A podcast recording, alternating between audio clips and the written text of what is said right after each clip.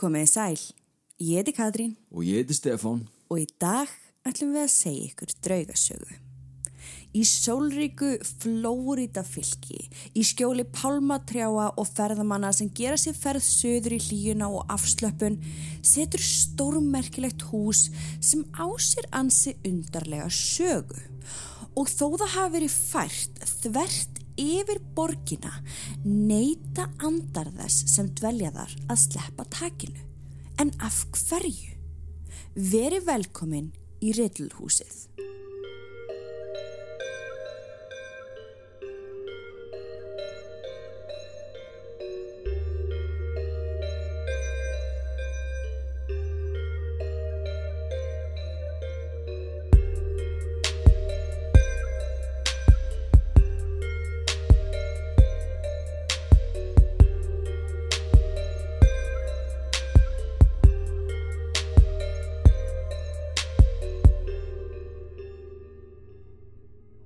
En við byrjum sögudagsins, þú finnst mér réttast að taka það fram að ég er búin að vera veik Hundlasur. og er það ennþá. Þannig að þetta verður svona með aðeins öðruvísi sniðu heldur en það hefur verið. Vegna þess að Steppi, hann er eiginlega búin að skrifa öll handritin. Já, Bara vel gert. En byrjum þetta. The Riddle House eða Riddlehúsið er byggt árið 1905 í West Palm af aðtöfnamanninum Henry Flagler sem gerði sér fljótt nafn í ólíubransanum í bandaríkjanum og svo setna í hóteluppbyggingu og á lagningu lestarteina. en við höfum farið yfir þetta áður í fyrir sögum að þeir sem að byrjuðu railroad kerfið í Ameríku, þeir eru rauninni áttu Ameríku. Akkurat. Hann byrjaði svo að verða enn stórtækari í viðskiptum með leigu á þrælum. Sitt sýnist og hverjum um það en við erum allavega að tala um frekar vel efnaðan mann hérna sem var kallaður sjálfur Fadir Miami. Já, hann var það stór Er það málið? mikill. Vá, ok. Og líka þetta er árið 1905, þú veist Einmitt. þetta er ekki 1800 og eitthvað eins og við tölum oft um. En Henry ætlaði sér aldrei að búa í þessu húsi sem hann let byggja. Því hann ætlaði sér einungis að selja það eftir að smíði þess var í lokið. Það er byggt úr afgangsviðarbútum og var reist á þremur hæðum í svo kalluðu Edvardian stíl. Já, þetta er svona típist amerist hús eins og við sjáum í bíómyndinu. Ah, ég skil. Það er skergult á litin og við aðalengangin er stór og mikil verönd sem þótti fullkomin staður til að kæla sig niður og til þess að taka móti gestum í steikjandi Flórida hitanum. Þetta hús hljómar vel. Já, það gerir það. Gengt hurðinni er hár stíi sem liggur að efri hæð húsins. Vinstra megin við engangin er setustofa og bak við stigan er eldús og borstofa. Nokkur svefnherbergi er á annari hæð og svo er háaloft undir súð. Þetta er ekki dósveipa húsunum á árbæðisafni nema þetta er bara tölvert stærra og meira um sig. Ok.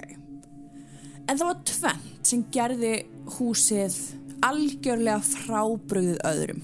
Í fyrsta lagi var það með fyrstu húsunum sem málað var í björtum og skærum litum. Og í öðru lagi þá var það þjætt upp við Woodland kirkjugarðin í West Palm. Fljótlega var ljóst að enginn vildi búa hliðin á kirkjugarði. Nei. Svo það var fljótt hluti af kirkjugarðs starfseminni. Erum við þá að tala um, hann byggir þetta hús, ætlar að fara að selja það og leia það út eða eitthvað svo leiðis. Já, já. En enginn vil búa hliðin á kirkjugarðinum. Það þótti bara tabú. Er það? Já. Enginn prófaði það einu sinni? Jú, en ekki þannig fyrstu. Ok. Húsi sem átti semst að vera heimili, það var nú orðið að útfarastofu. Þetta bjarta og fallega hús. Já. Ok. En ekki leið á löngu þar til gravræningjar eða grave robbers byrjaði að brjótast reglulega inn í húsið í leita verðmætum sem að aðstandendur vildu jarða með ástunni sínum og einni grófiður upp kistur reglulega í leita skartgripum og það var til þess að húsið var svo nota sem afdrep næturvarðar og að lokum starfsbústar þeirra sem á störfuð í kirkjugarðinu. Og það var vist um þetta leiti sem grafræningar brutust eitt sinn í húsið og næturvörðurinn Bökk sem var að störfum varð fyrir skoti í miðjum áflugum við ræningana. Málið var aldrei upplýst og eins og við sögum í byrjun ég er náttúrulega búin að vera veik Já, já. veiku þannig að þú ert svolítið búin að taka handritið að þér núna og, og ég er svolítið svona að koma inn í málið Já, já. bara eins og hlustendur þannig að hann lendir í því að verða skotin Já, og málið er aldrei upplýst það var aldrei upplýst. Þannig að það svona grafræningjar voru mjög algengt vandamála á þessum tíma. Það var í rauninu bara glæpa stjætt sem að bara, já, gekk mjög vel. þannig að hann var í rauninni bara að vita að þetta var það sem gerðist Já, og Ok. þess vegna var það til þess að þessi starfsbústaður var gerður og notaður út fyrir nætuverði og slíkt. Ég skil. En fljótlega urðu aðrir starfsmenn varir við bökk eftir dauðans á gangi um kirkjugarðin þar sem hann hugaði að leiðum og leggsteinum og brosti til fólks. Þótti þá ljóst að bökk var það andum starfsitt heldi áfram, jafnvel í dauðanum og eins og við höfum talað um áður þegar að fólk er drepið svona skyndilega þá ofti mitt heldur það áfram að gera sína reglulegu rútínu. En oft er það líka þannig að fólk er bara ekki alveg tilbúið að sleppa taki af því að veist, þeirra tími var ekki komin. Nei, og heldur því bara þar með áfram að gera sína daglega rútínu.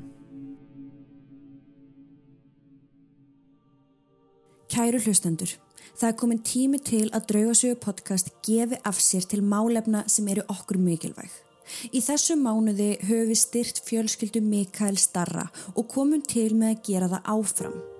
Eftirfarandi upplýsingum er búið að dreifa á samfélagsmiðlum síðustu daga. Mikael Darri veikist í kringum 8 mánuða aldur og greinist síðan í framaldi með alvarlegt AML kvítblæði á samt æxli við heila, mænu og andlit rétt fyrir einsás ammali sitt. Hún var haldið sofandi í öndunarvél á gjörgjæslu í mánuð og fór í mjög harða livjameðferð inn á spítala í sjö mánuði. Í september á síðasta ári greinist Mikael Darri með hærisk illkynja krabbamein í munnvatskirlinum sem hefur drift sér í eitil og mögulega lungu. Baráttan hefur tekið mikið á lítinn kropp og í miðjum heimsfaraldri þurftu foreldrar hans að rjúka með hann til Boston í fimm tíma aðgerð til að fjarlæga munnvatskirtilin og eitil.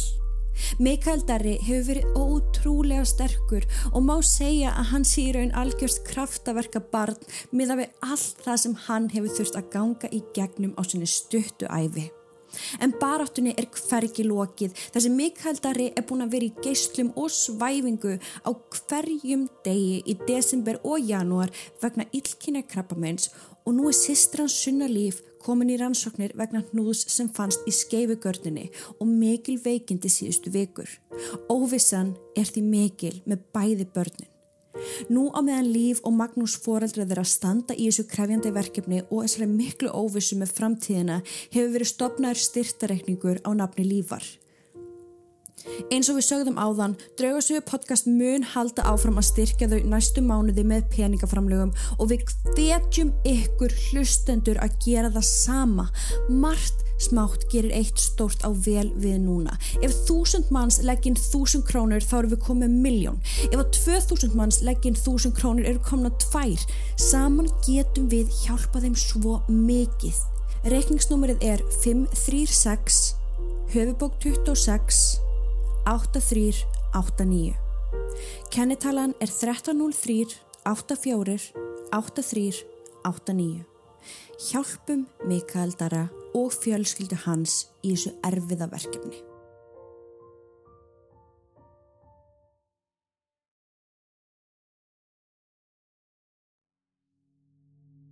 Ára 1920 kaupir maður að nafni Karl Ridlhúsið og þaðan kemur nafnið Ridlhás. Karl var stórtækur byggingaverktaki og yfir stjórn umhverfis og félagsmála í Vest Palm. Hann fletur inn í húsið ásamt fjölskyldu sinni og tekur í leiðinni yfir rekstri kirkjugarðarins. En fljótlega eftir að þau flytja inn taka þau eftir að ekki er allt eins og það á að vera á þessu nýja heimilið þeirra. En þau höfðu heyrt af sögursögnum um reymleika í húsinu sem átti að hafa byrjað eiginlega strax eftir byggingu þess. Karl Riddle skrifar í dagbókafærslum sínum að bækur sem voru í setustofunni tóku upp á því að fljúa úr hillunum og ekki beint eins og þeir hafðu dottið, heldur flóið beint út og fóru halvan meter út frá sagt, hillunni og á gólfið. Það þarf alveg afl í það. Ég man eftir þessu, Já, ég man já. eftir þessu aðtöki. Karl byrjaði samt á því að kenna bara gegnum trekkum, ja, þetta er bara vindkviða, eða að tilfallandi atvik hafi verið um að ræða. Hann gengur inn í borstofuna og fær sér sæti og konan hans kemur aftan að honum og hann fyrir að segja henni frá þessum vangavelnum sínum á meðan hún svona nuttar aðeins á honum hálsiðun og, og axlitna svona aðeins að reyna bara, hann náttúrulega spínulítið svona shaken up. Gæti verið að það sé reynd í húsinu af því að það var eitt sinn líkhús og útfarastofa og stendur við kirkjugarð. Svona hugsanir sem fari í gegnum hann. Já. Getur verið að það sé eitthvað til í þessum sögursögnum starfsfólk um að andi manns að nafni Bökk ráfi um garðin og húsið og þetta er hann að spjalla við konuna sína um. hann er bara ennþá í uppnámi. Frú Riddle hlustar og heldur áfram að nuttan en hún er orðin hansi harðhend og kannski aðeins of. Hann byður hann um að hætta en hún hættir ekki og skyndilega heyrir hann í útidrahörðinni og það er kallað Karl, ertu heima? Það var konan hans.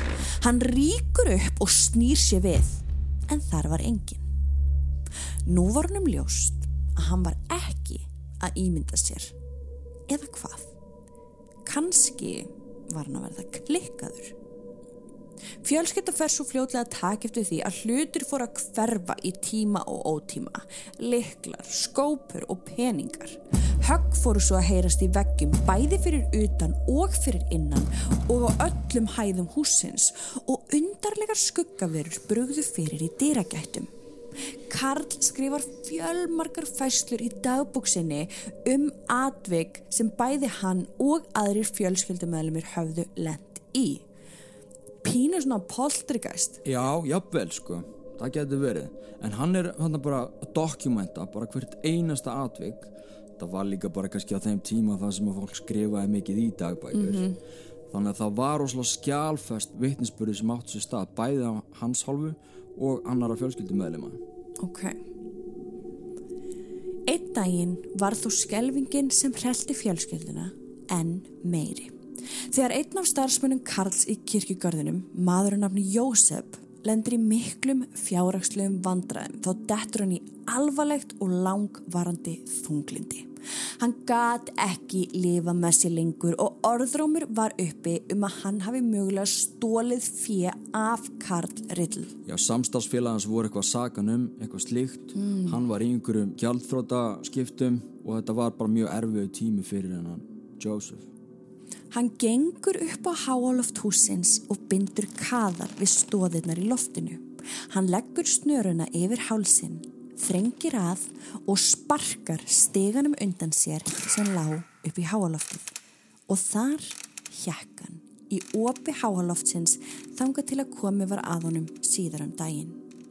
Ekki eru til nægar heimildir um hversu lengi Rettil fjölskyldan bjó í húsinu en það var svo aftur notað sem útfara stofa, líkhús og starfsmannabústæðar fyrir starfsfólk kirkjugarðarins. Já, þetta var einhvern veginn bara, þú veist, þetta var eiginlega í kirkjugarðinum þannig það var eiginlega ekki þetta að nota þetta fyrir neitt annað en Nei. bara, þú veist, starfsemina.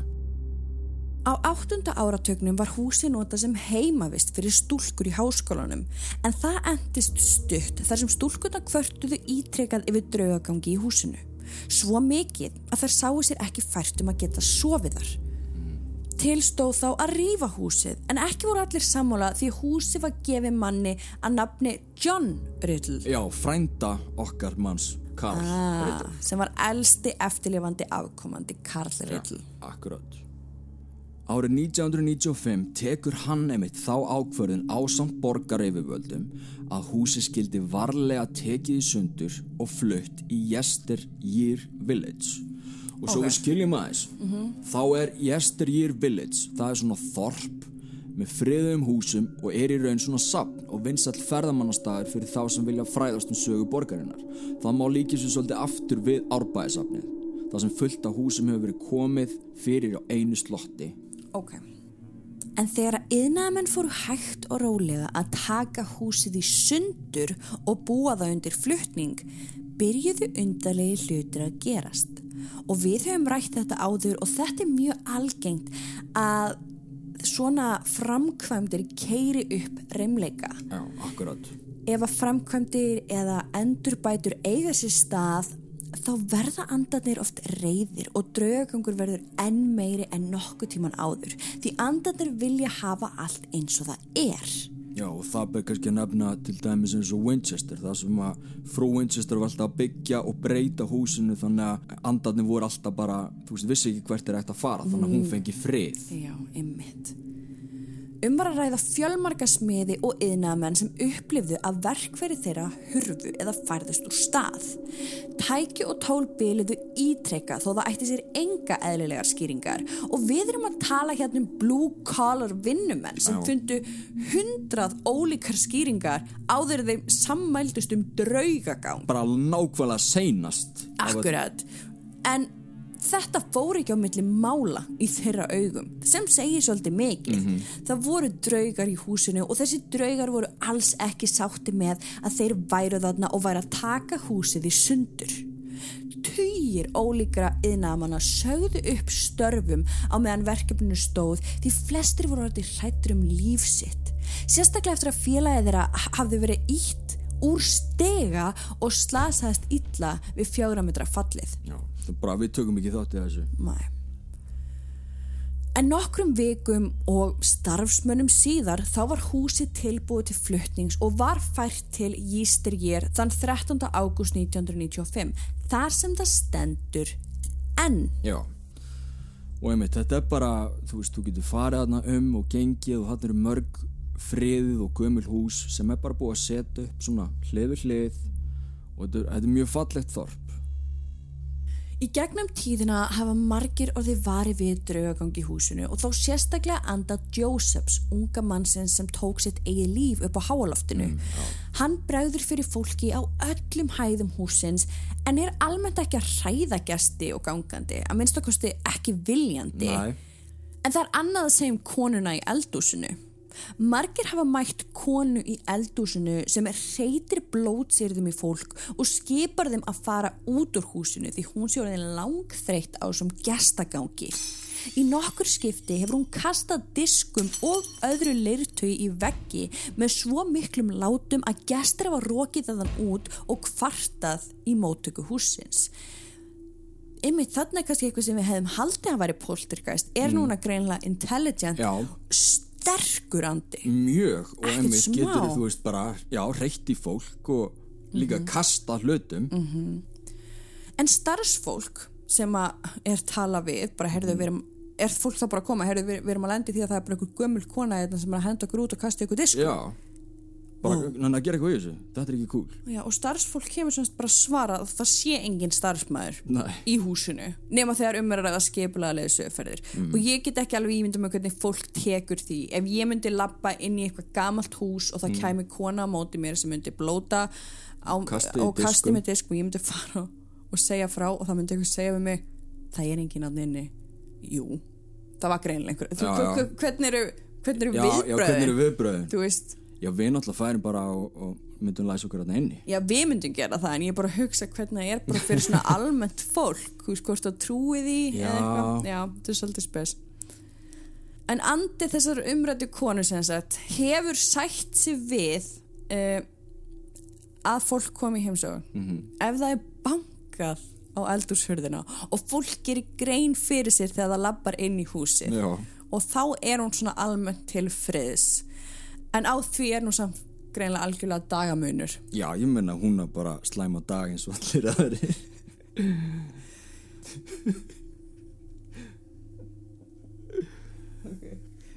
en engin veit hver þessi gamla kona er. Nei, en það er, það er náttúrulega ótrúlega margi sem eru búin að búa í húsinu gegnum tíðina.